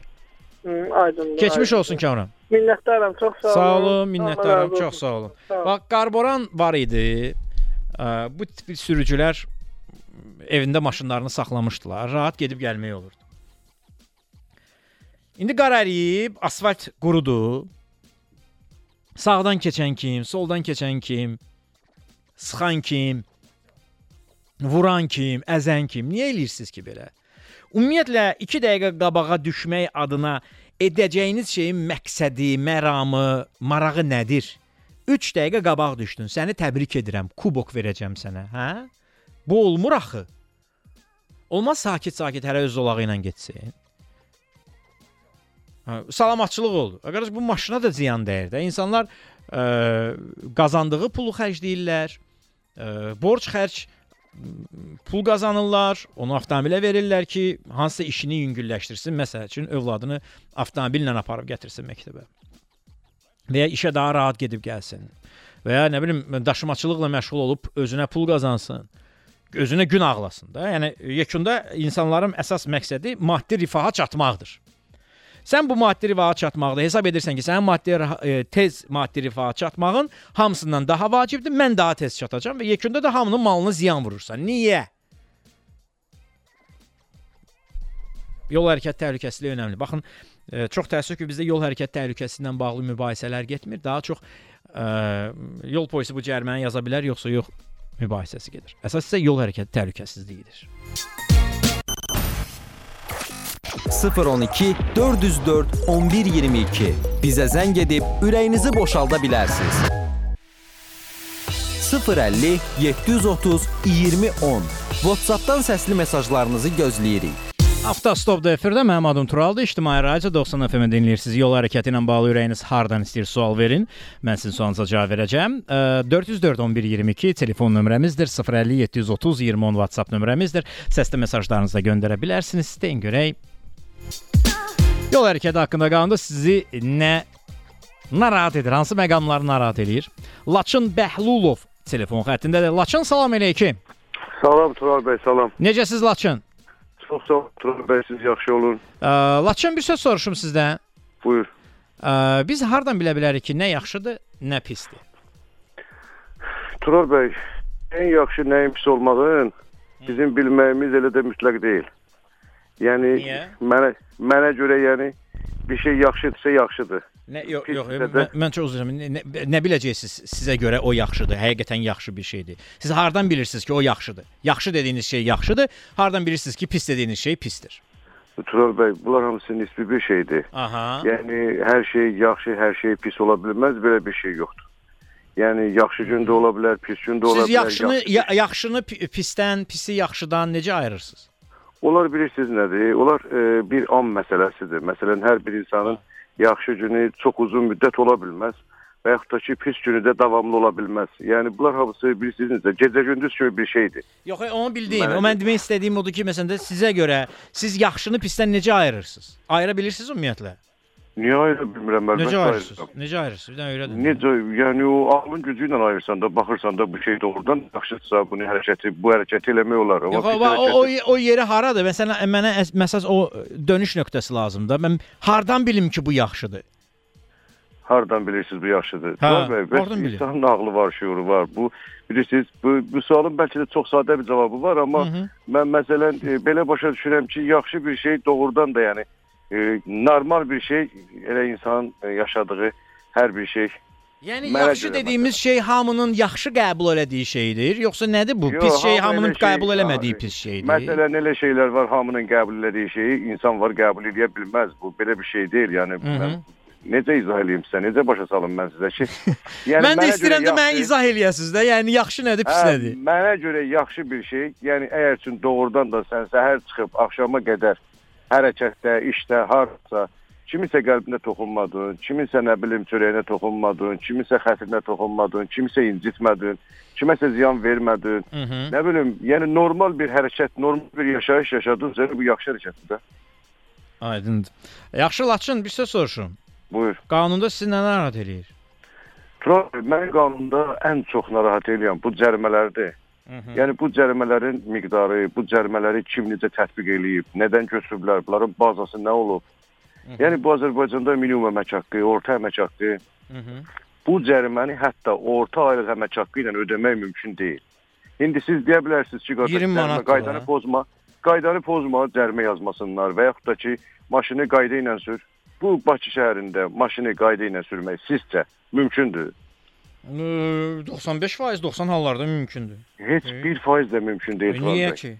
Niyəsin mən sizə deyim. Hə.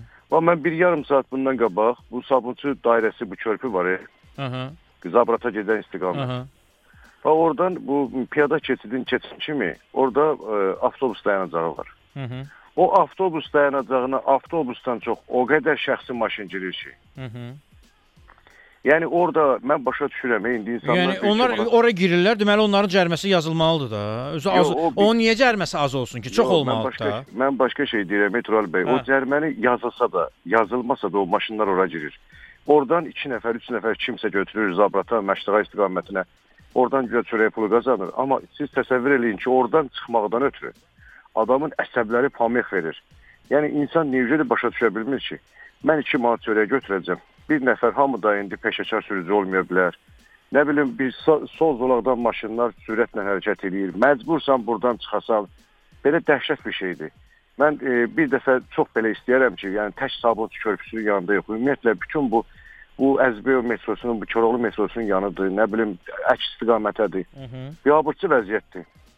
Və çox belə təəssüf olsun ki, yəni bu yol patrul xidmətinin əməkdaşları da bu şeyləri dəfələrlə görürlər. Buna heç bir əncam yoxdur. O gün qar yağanda o avtobus dayanacaqlarında o PPX əməkdaşları durğuzmuşdular hətta ki, bu taksiləri qoymasınlar, bu şəxsi maşınları qoymasınlar ki, bu avtobusun dayanacağına girsin. Axı siz dediniz ki, cərimə azdır, onda cəriməni çox eləməlidir lazımdır ki, onlar orada dayanmasın da. Cərmənin, yox, cərmənin azlığı çoxluğu bu məsələni həll eləmir ki, siz bu cərməni lap 100 manat da qaldırın dayanma durmanı, yəni ora yenə də giriləcək. Mən başa düşə bilmirəm ki, yəni bu necə ola bilər ki, bu 2 manat, 3 manatdan oradan pul qazanacaqsan. Yəni birdən biri gəldi bir hadisə törətdi. Bu yəni bu çox anormal bir şeydir. axı hadisəni fikirləşmir, mənə heç zad olmaz prinsipi ilə yaşayır. Hə, mənə mənə çatmır da, yəni mənə çatmır ki, o dayanma durmaya görə sən 100 manat da cərimə tətbiq elə və yaxud da ki 20 manat olsun. Bu adamın şuurunu cərimə eləmək lazımdır ki, ora girmək olmaz və yaxud da ki bu marşrut üçün nəyə işləyir bu avtobuslar? Onda ləğv eləyin, qoy elə cəmaatı şəxsi maşınlar daşısın da. Bu anarxiyadır, bu gözbaşınalıqdır. Belə şey olmaz axı. Mən işdən çıxıram yorğun, gəlirəm oradan bir bir kusok yeri keçməkdən ötürü ya mən sağa dönməliyəm, getməliyəm, xəstəxanadan fırlanıb qayıtmalıyam və yaxud da gedib qabaqdan dönüb gəlməliyəm. Tək bir dənə bura deyil ki, hər tərəfi belədir. Koroğlu metrosunun üstü qaynayır bütün gün. O metronun qabağı, o plaşatkanın hamısı şəxsi maşınlar. Bəli. Hamısı qışqırır, bir nəfər adam götürəcək, götürüb aparacaq. Arada biraz qar yağdı, e, yoxa çıxmışdılar. İndi yenə təzədən başlandı. Ayşə dəhşətdir, vallah billah dəhşətdir. Mən başa düşə bilmirəm. Yəni bu 2 manat, 3 manatla o maşın neçə mağaza xərcini necə ödəyirlər, necə qarşılayırlar? Və yaxud da ki, yəni bu bu cərimə indi mən sizə birinci dediyim cərimələrdən narazıyam nəyə görə ki, bu cərimə məsələn şəxsən mənim aldığım maaşla adekvat deyil. Yəni mənim o qədər güclü bir əmək haqqım yoxdur və yaxud da ki, bugünkü əmək haqqı heç dolanışığa, minimum dolanışığa kifayət eləyir. Cərimə elementar 3 gün keçib üstündən faiz, dəbbə pulu, dəbbə pulu, sonra dəbbə pulu da alır. Yox, 3 gün keçmir. üç ay- 1 aydan sonra dəbbə aydan pulu. sonra, bir aydan sonra olsun. 3 ay keçdi. Təzədən bir dənə cərimə. Sürücülük vəsiqəsi getdi. Məhkəmə bunu 6 ay məhrum elədi sürücülükdən. O cəriməni də ödədi.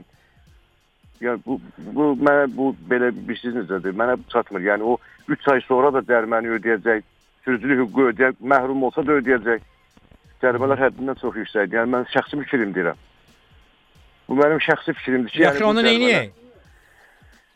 Necə eləyək? Yəni Hə. onu bu Cərimə də qanunları- yüksək idi və sonra Bu qanunları Tural bəy, Hı. istəyirsiniz, yəni mən belə başa düşürəm ki, bunu yazanda bu əhalinin yəni ən azından bu yaşayış minimumu bir nəzərə alınar belə. Bir cərimə ödəməyibsə, onun üstünə faiz dəbbə, dəbbə, dəbbə.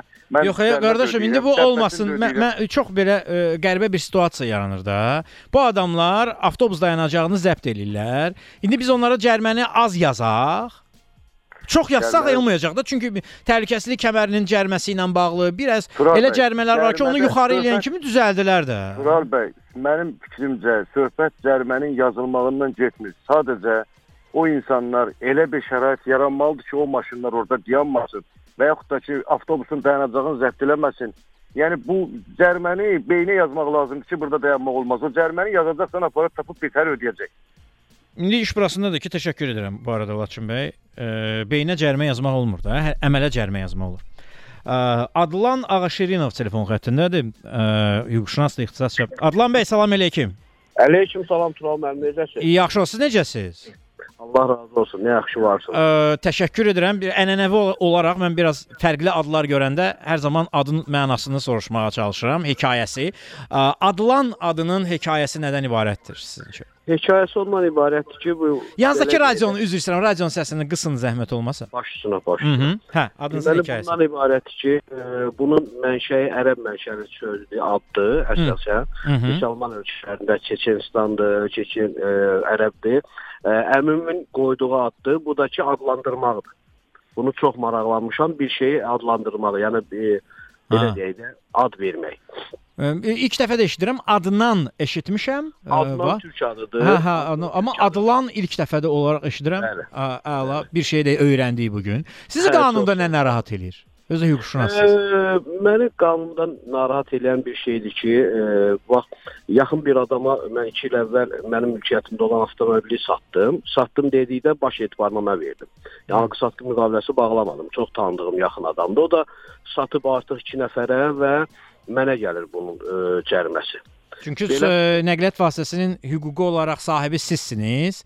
Qanun Bəli, da deyir ki, bəli, ya bəli. ya sonuncu etibarnamə üzrə ya da ki ilk sahibinə göndərilir. Qanunda Bəli. bu var. Hı -hı. Yaxşı, bəs belə olan halda e, bizi narahat edən odur ki, bəs bu 2 nəfərə satıldı. Bunun e, sürücülük vəsiqəsi yoxdur ki, mənə gəlir cərimə, yoxsa Yox, ə, onlara da yəqin ki, etibar satıldı deyəndə ki, dırnaqarası satılma olub da.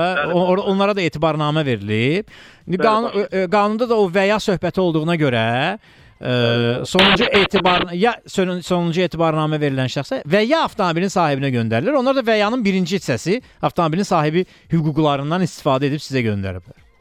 Belə olan halda mən e, onlayn şikayət də vermişəm. E, 20 gün ərzində şikayət verməlisiniz ki, həmin nəqliyyat vasitəsini siz idarə etmirsiniz. Bəli, bəli, vermi e, şikayətimi amma halbuki iş günü 10 gün iş, prosessual müddət 10 gündür də, düz deyil? Yox, inzibati protokoldan şikayət müddəti 20 gündür, yox. Yo, yo, yo, o şikayəti demirəm. Hə, hə. E, E, Şikayətə baxılma müddəti prosessual gü- müddət 10 gündür. 10 gün ərzində şikayət etmirsə, artıq şikayətə baxmırlarsa, müraciət olub onları cərimələndirmək olar ki, niyə prosessual ə, qaydanı, bəli, qaydanı pozursunuz. Hə. Bəli. E, bəli, onlardan hələ ki e, mənə bir cavab e, belə deyək də yönlənmə yoxdur.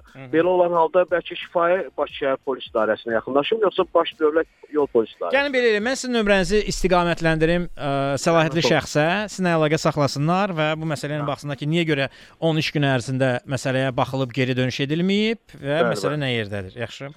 Çox sağ olun Tural müəllim. Siz sağ olun, təşəkkür Sağ edirəm. Çox sağ olun. Sağ olun, minnətdaram. Çox sağ olun zənginizə görə. 404 11 22 zəng edirsiz. 050 730 20 10 WhatsApp nömrəmizdir. Səsli mesajlarınızı göndərə bilərsiniz. Yol hərəkəti ilə bağlı ürəyiniz hardan istəyir sual verin, mən sizin sualınıza cavab verəcəm və deyin görək. Yol hərəkəti ilə bağlı qanunda sizi narahat edən məqamlar nədir? Qəza zamanı yolu kəsib telefonla çəkmədiyinizə görə əjdaha adamsınız. Avtostop 2 saat efirdə olur. Ancaq siz yolda daha çox ola bilərsiniz. Yolda olduğunuz müddətdə nələri dinləyə bilərsiniz? Məsləhət görürük. Maşında tək olanda.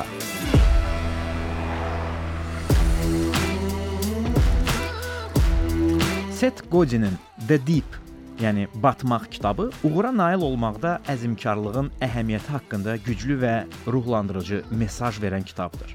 Əsasən The Deep-in arxasında duran fəlsəfə ondan ibarətdir ki, məqsədlərimizə çatmaq və həqiqi uğura nail olmaq üçün biz çox çalışmalı və bu yolda qaçılmaz olaraq ortaya çıxan çətinliklərin və uğursuzluqların öhdəsindən gəlməyə hazır olmalıyıq.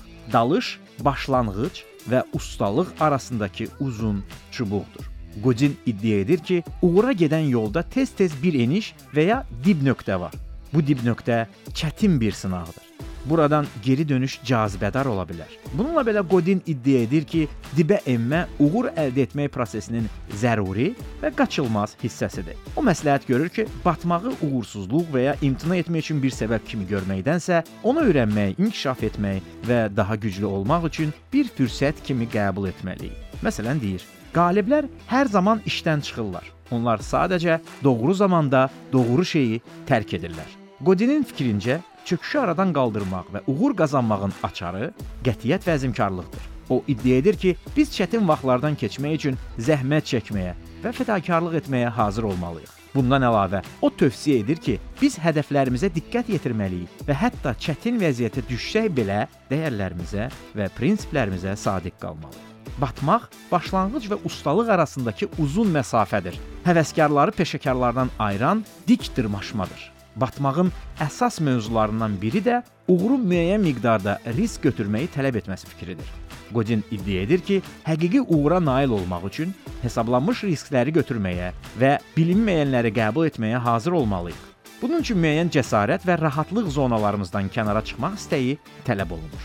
Batmaq bunu edən və etməyən insanları bir-birindən ayıran şeydir. Bu çıxılmaz vəziyyətdə olduğunuzu başa düşdüyünüz zaman həlledici andır və ya işdən çıxırsınız, ya da öhdəliyinizi qəbul edirsiniz. Bununla belə Godin risk alarkən diqqətli və strateji olmağın və dəyərlərimizə, məqsədlərimizə uyğun olan riskləri götürməyimizə əmin olmağın vacibliyini də vurğulayır.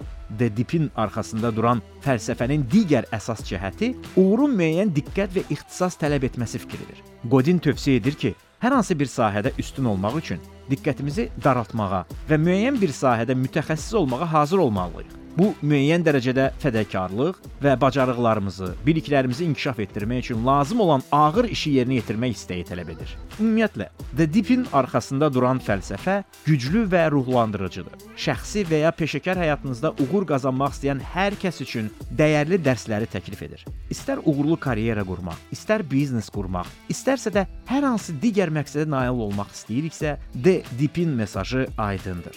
Zəhmət, qətiyyət, əzmkarlıq və hesablanmış riskləri götürmək istəyi ilə hər şey mümkündür. Küçəyə zibil atmadığınıza görə sizə dərin təşəkkürümüzü bildiririk. 012 404 1122 bizə zəng edib ürəyinizi boşalda bilərsiniz. 050 730 2010 WhatsApp-dan səsli mesajlarınızı gözləyirik. Avtostopda efirdə mənim adım Turaldır. İctimai Radio 90 FM dinləyirsiniz. Yol hərəkəti ilə bağlı ürəyiniz hardan istəyir sual verin. Mən sizin sualınıza cavab verəcəm və deyin görək. Yol hərəkəti haqqında qanunda sizi narahat edən hansı məqamlar var? Qanundakı boşluqlar ola bilər, hansısa uyğunsuzluqlar ola bilər. Misal üçün, ə, İnzibati Xətalar Məcəlləsində belə bir hissə var. Nəqliyyat vasitəsinin ə, deməli sürücü ə, qaydaları pozubsa və 1 ay ərzində cəriməni ödəm 2 ay ərzində cəriməni ödəməyibsə, hər hansı, hansı nəqliyyat vasitəsilə qaydaları pozubsa, həmin nəqliyyat vasitəsinin saxlanması haqqında qərar verilir. Bu mənim subyektiv fikrimdir, amma hesab edirəm ki, bu vətəndaşın mülkiyyət hüququnun pozulmasıdır. Nə ola bilər? Kimsə öz əmisi oğluna avtomobil verə bilər. Əmisi oğlu bir gün avtomobili götürüb yol hərəkəti qaydasını poza bilər. Daha sonra avtomobili geri qaytara bilər və cəriməni 2 ay ərzində ödəməz. Mənim əmim oğlu mənim e, qayda pozandan sonra cəriməni ödəmədiyinə görə mənim əmim oğlu qayda pozulub cəriməni ödəmədiyinə görə mənim əmlakım niyə cərimə meydançasına getməlidir ki? Biraz ə, mənə görə ədalətsizdir. Subyektiv fikrim olacaq. Biraz ədalətsizdir. Ə, və ya ə, siz avtoxuliqanlığa görə nəqliyyat vasitəsini cərimə meydançasına apara bilməzsiniz. İnzibati xətalar məcəlləsinin 96-cı maddəsində nə zaman avtomobil cərimə meydançasına gedir? Bütün bəndlər var. Amma adamın 20 manat borcu olduğuna görə maşınını cərimə meydançasına aparırsınız. Ə, cərimə ödəmədiyinə görə adam təhlükəlidir, yoxsa avtoxuliqanlıq elədiyinə görə təhlükəlidir? Plyonkaya görə cərimə 150 manatdır. Qırmızı işıqda keçmək isə 60 manatdır. Hansı daha təhlükəlidir? Qırmızıda keçmək, yoxsa plyonkalı avtomobil idarə etmək? Üzeyir telefon xəttindədir. Bu günün sonuncu zəngi məhz Üzeyirdən gəlir. Üzeyir salam eləyim. Ay axşamınız xeyir. Necəsiz Üzeyir? Çox sağ olun, yaxşı olasınız. Siz necəsiz? Təşəkkür edirəm. Üzeyir, nə bilirsiniz ki, nə yaxşıdır, nə pisdir? Onu necə ayırmaq olar? Nəyin yaxşı, nəyin pis olduğunu?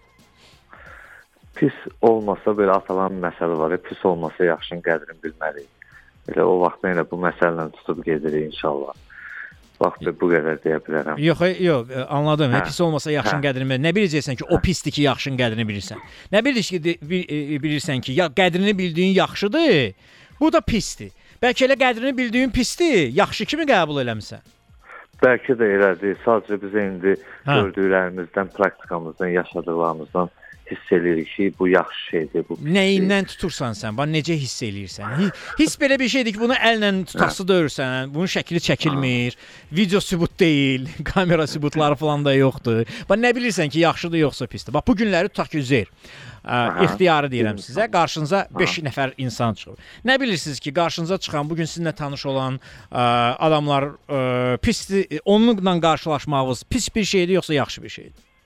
Onu ə, bilmək olmur. Bəzən elə 5 nəfər bir insanın dalıyca deyə bilər ki, məsəl üçün bu insan pisdir, yaxşıdır, pisdir, pisdir, pisdir, amma sən ə, deyə bilərsən ki, bu insanın mənə pisliyi dəyməyib. Mənə görə yaxşıdır o. Yəni belə bir məqamlar Yəni olur. pislik və yaxşı, pis və ya yaxşı olma anlayışı subyektiv anlayışdır da. Hüquq pozuntularını keçsək, yəni insan ə, qətlə yetirmək, insanın canına, malına qəsdi çıxsaq, yerdə qalanlar subyektiv qiymətləndirmədir. Yəni bu gün mənim dediklərim ə, sizə görə yaxşı ola bilər, Əhmədə görə pis ola bilər. Əhməd Bəli, mənim dediklərimi bəyənməyib, pis deyə bilər, siz bəyənib yaxşı deyə bilərsiniz. Bu Amma cür sonda amma sonda faiz nisbətinə görə də bu ölçülə bilər də. Yəni ə, çoxluq a- azlıq çoxluğa tabedir. Ona görə mən yəni, hesab etmirəm azlıq çoxluğa tabedir. Məsələn, mən çoxluğa tabe olmağı xoşlamıram. bu da subyektiv şeydir. Hə, də da bu mənim subyektiv. yanaşmamdır ki, Hə, bu qardaş. da Mən hesab edirəm ki, azlıq çoxluğu idarə edir. Misal üçün, ə, kitab oxuyanlar ə, daha azdır, televizora baxanlar çox daha çoxdur, amma kitab oxuyanlar televizora baxanları idarə eləyir. Bəli, bəli, bəli, elədir. yəni ona görə Bəli, bəli. adətən azlıq da çoxluğu idarə edir ha. Yəni ə, əsas odur ki, qüvvə ə, qüvvətli olan azlıqdan söhbət gedir. Ə, ona görə mən bu, bu bu özü də belə mübahisə obyektidir ki, azlıq həqiqətənmi çoxluğa tabedir, yoxsa çoxluq azlığı idarə edə bilərmi? Bu da belə fikrə açıq, ə, mü, fikir mübadiləsi aparmağa açıq bir məsələdir. Yaxşı Üzeyir, Buyurun. ə, sizi nə narahat edir qanundur? Məni ə, narahat edən məsələ odur ki, bu etibarnamələrlə bağlıdır. Mən ə, bu deməli etibarnamə ilə bağlı bizdə ə, telefonla bağlanılası bir yer var. O da avtonəqliyyat hadisələridir. 902-də bildiyimiz gibi elə deyilmi?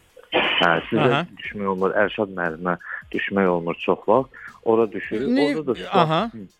Orada düşürsən, yəni bu gün bir cavab alırsan, səhərsi gün növbəti ə, növbəyə düşəndə tam əksin deyirlər. Yəni sonra da deyirsən ki, sizdən bir gün qabaq mənə başqa cavab vermişlər, deyirlər yox, ola bilməz.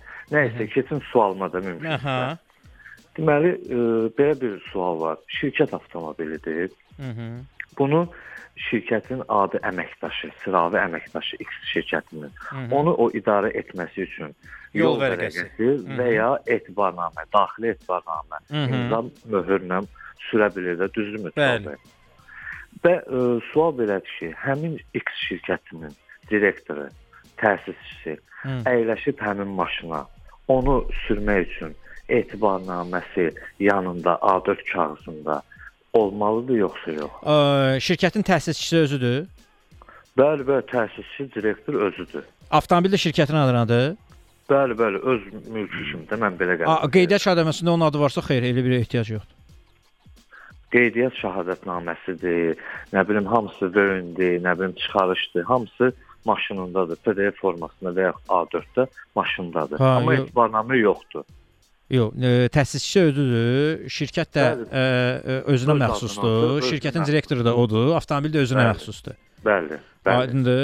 Yəni burada nə Və və və ə, bu hətta buna qədər də eləmişik ki, bunu ə, görmür axı təhlükəsizlik şəhər kamerası ki, bunu çəkəndə cərimə hara getməlidir. Hı hı. Ona qədər e, yazılıb verilib məsəl üçün hansısa rayonun polis şöbəsinə ki, Yox, hara gedir deyəndə ki, əgər çəkilirsə, nəqliyyat vasitəsinin qeydiyyatda olduğu şirkətə, şirkətə Bəli. göndərilir. Hə. Şirkət də 5 gün ərzində məlumat verməlidir ki, bu nəqliyyat vasitəsini kim idarə edib və İndi indi bəzi qay, qay, dövlət inspektorları saxlayanda deyir ki, ə, bəs bunu çəkəndə hara gedir bu? Deyə onu başa salınca ki, bu bunun Şirkətə şirkətin gedir də. ünva- ünvanı var, onlar başa düşmürlər. Ona görə deyirsən ki, bəs sizin məsəl üçün Nərimanov ya Suraxanı qayısını göndərilib bu ünvan. Nəysə, yəni sualım odur ki, mən indi qayıya saxladım maşını məni. Mən ona ə, məni deyir ki, ə, şirkət adınadır. Deyirəm şirkətin direktoru mənəm. Deyir ki, mən necə bilim ki, şirkət direktoru sizsiniz? Bax, mən orada mən göstərirəm, deyirəm dövlət tərəfindən mənə verilən şəxsiyyət vəsiqəsini təqdim edirəm. Sürücülük vəsiqəsi təqdim edirəm ki, deyirəm mənə bu sənədləri verib, xahiş edirəm sizdə portallara giriş varsa. Mən yox, gəlin belə Üzeyr, e, Buyurun, bir şeyi buyurun. dəqiqləşdirək. Nəqliyyat vasitəsi ə, kimin adınadır? Şirkət adınadır, X şirkətinin. X şirkətinin adınadır. Yəni nəqliyyat vasitəsində nəqliyyat vasitəsinin sahibi olan şəxsin adı göstərilməyib. Yox, nəqliyyat vasitəsinin ə, texniki pasportunda Aha. yazılıb ki, X şirkətinin adınadır bu maşın. Aydındır. X şirkətinin də direktoru əyləşib maşında. Aydındır. Yəni sabah o direktor işdən də çıxa bilər. Düzdürmü? Ha, ona yol vərəqəsi verin, qutarsın getsin də. Yox, yol vərəqəsi ə, sabah işdən çıxa bilər. İşdən çıxsa özünündür bu. Bildimi? Çıxdı, özünün yerinə başqa bir direktor qoyacaq da. Yəni Bəs əgər qeydiyyat hə, qeydiyyat şa hə. yox, verin dəyişəndir. Qeydiyyat şahidətnaməsində ə, vətəndaşın öz adı yazılmayıbsa, yəni şirkətin direktorunun adı yazılmayıbsa, yoxdursa Yazılıb. yazılıb. Bəli. Texpasportda vətəndaşın adı yazılıb, maşın sahibinin adı. Yox, texpas maşının texpasportu. Bəli. Yox, yox, orada Ay, yazıb X şirkəti. Ay sağ ol.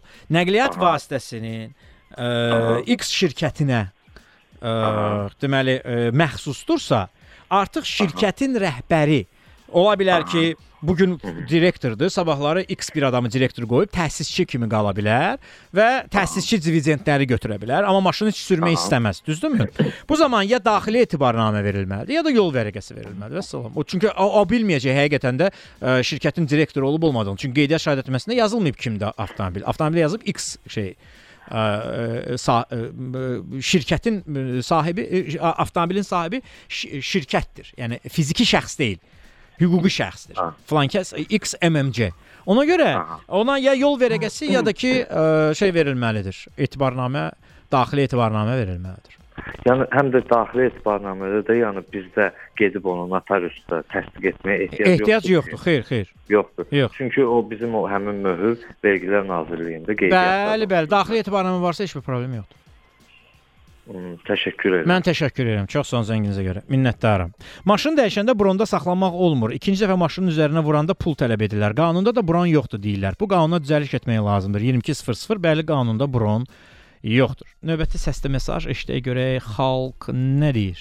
İstəyərdim notariuslarda bu günləri belə bir sistem tətbiq olunsun ki, mən avtomobili alanda düzdür indi bəlkə mənim imkanım çatmır alqı-satqı eləyim və yaxud adıma keçirdim. Tək generalni dovernislə almaq istəyirəmsə, orada yazılsın ki, mən bu maşını, avtomobili filan kəsov, filan kəsdən pul məbləğində almışam. Yəni sabahları da o yoldaşı ilə konflikt olanda gəlib mənim maşınımı əlimdən almasınlar. Yeri gəlmişkən ə, pul müqabilində almısınızsa, bu artıq alqı-satqı müqaviləsidir də.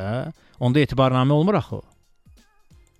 Maşınımı yeni almışam. Maşının texniki baxışının müddəti yanvarın 26-sı bitir. Məndə e, elə e, ikisi birində eləyib aparıb həmin günü həmin maşını öz adıma keçirmək istəyirəm. Həm də ki indi yəqin ki mən belə bilirəm də, yəni indi onu sizdən məsləhət alıram ki, maşını ada keçirəndə texniki baxış avtomatik gəlir maşının üzərinə, yoxsa əlavə də rüsum ödəyib texniki baxış almalıyam? Yox, nəqliyyat vasitəsinin texniki baxış müddəti çatırsa və siz də qeydiyyata gedirsinizsə, nəqliyyat vasitəsi paralel həm də texniki baxışdan keçəcək və siz texniki baxışa görə 30 manat pul ödəməlisiniz. Bu sığorta mümkün deyil də, sığortadan keçmək mümkün deyil Turan müəllim. Yəni bunu biz nətər eləyək? Deyirlər ki, baş ofisə yaxınlaşın, falan şeydir. Bu haqqda sizdən məlumat almaq istərdik ki, bu nəyə görə belə olub, nə məsələdir? Bu işdə xahiş edən bir məlumat verərdiniz də. Nəticə sığorta şirkətləri yeni qaydalarla da bağlı ə, işləmək istəmirlər. Dünən Mərkəzi Bankın ə, bir ə, sərəncamı oldu. Deməli 10 gün ərzində ə, sığorta şirkətləri öz ə, saytlarını onlayn qaydada sığorta almağa adaptasiya eləməlidirlər. Bu mütləqdir. 10 iş günü ərzində. Deməli, bu dünənləri verilib ayın 12-si 4-cü gündən 2 gün burdan keçir. 5 gün oradan 7, 2 gündə oradan 8. Yəni gələn həftə yox, ondan sonrakı növbəti həftədə ə, sığorta şirkətlərinin saytında onlayn qaydada sığorta almaq mütləq olacaq. Bununla bağlı Mərkəzi Bankın ə, qərarı var. Onu eləməlidirlər. Amma sığorta şirkətləri belə çox təəssüf ki, ə, yenə də müştəri məmnun etməkdən çox müştərini narazı salmaq yolu seçiblər. Bakı Nəqliyyat Agentliyinin bu cərimə yazır insana kameraya düşürsüz. Hə, Ona ARS qoya bilirlərmi maşına o cərimə ilə bağlı? Əlbəttə qoyurlar. Yəni yol hərəkəti əleyhinə olan qayda pozuntusudur. Yol hərəkətinin ələ- əleyhinə olan qayda pozuntusu bir ay ərzində ödənil- ödənilmirsə, faiz gəlir. 2 ay ərzində ödənilmirsə, nəqliyyat fasiləsinin saxlaması haqqında qərar qəbul olunur. Amma binanın kamera vasitəsilə qayda pozuntusunu rəsmiləşdirmək hüququ yoxdur.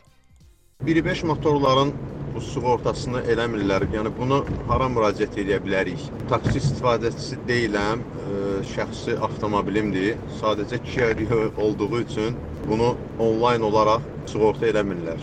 Səhv eləyirlər. Ə, Bununla bağlı Mərkəzi Bank İcbari Sığorta Bürosuna şikayətinizi bildirə bilərsiniz. Sığorta şirkətlərindən şikayətinizi bildirin, amma yenə də təkrar edirəm, Mərkəzi Bankın belə bir qərarı var. Mərkəzi Bank qərar verib ki, 10 gün 10 iş günü ərzində ə, sığorta şirkətləri sığortanın öz saytlarından onlayn almasını təmin etməlidirlər. Gözləyək 10 günü, görək nə baş verəcək. Let's get scratching.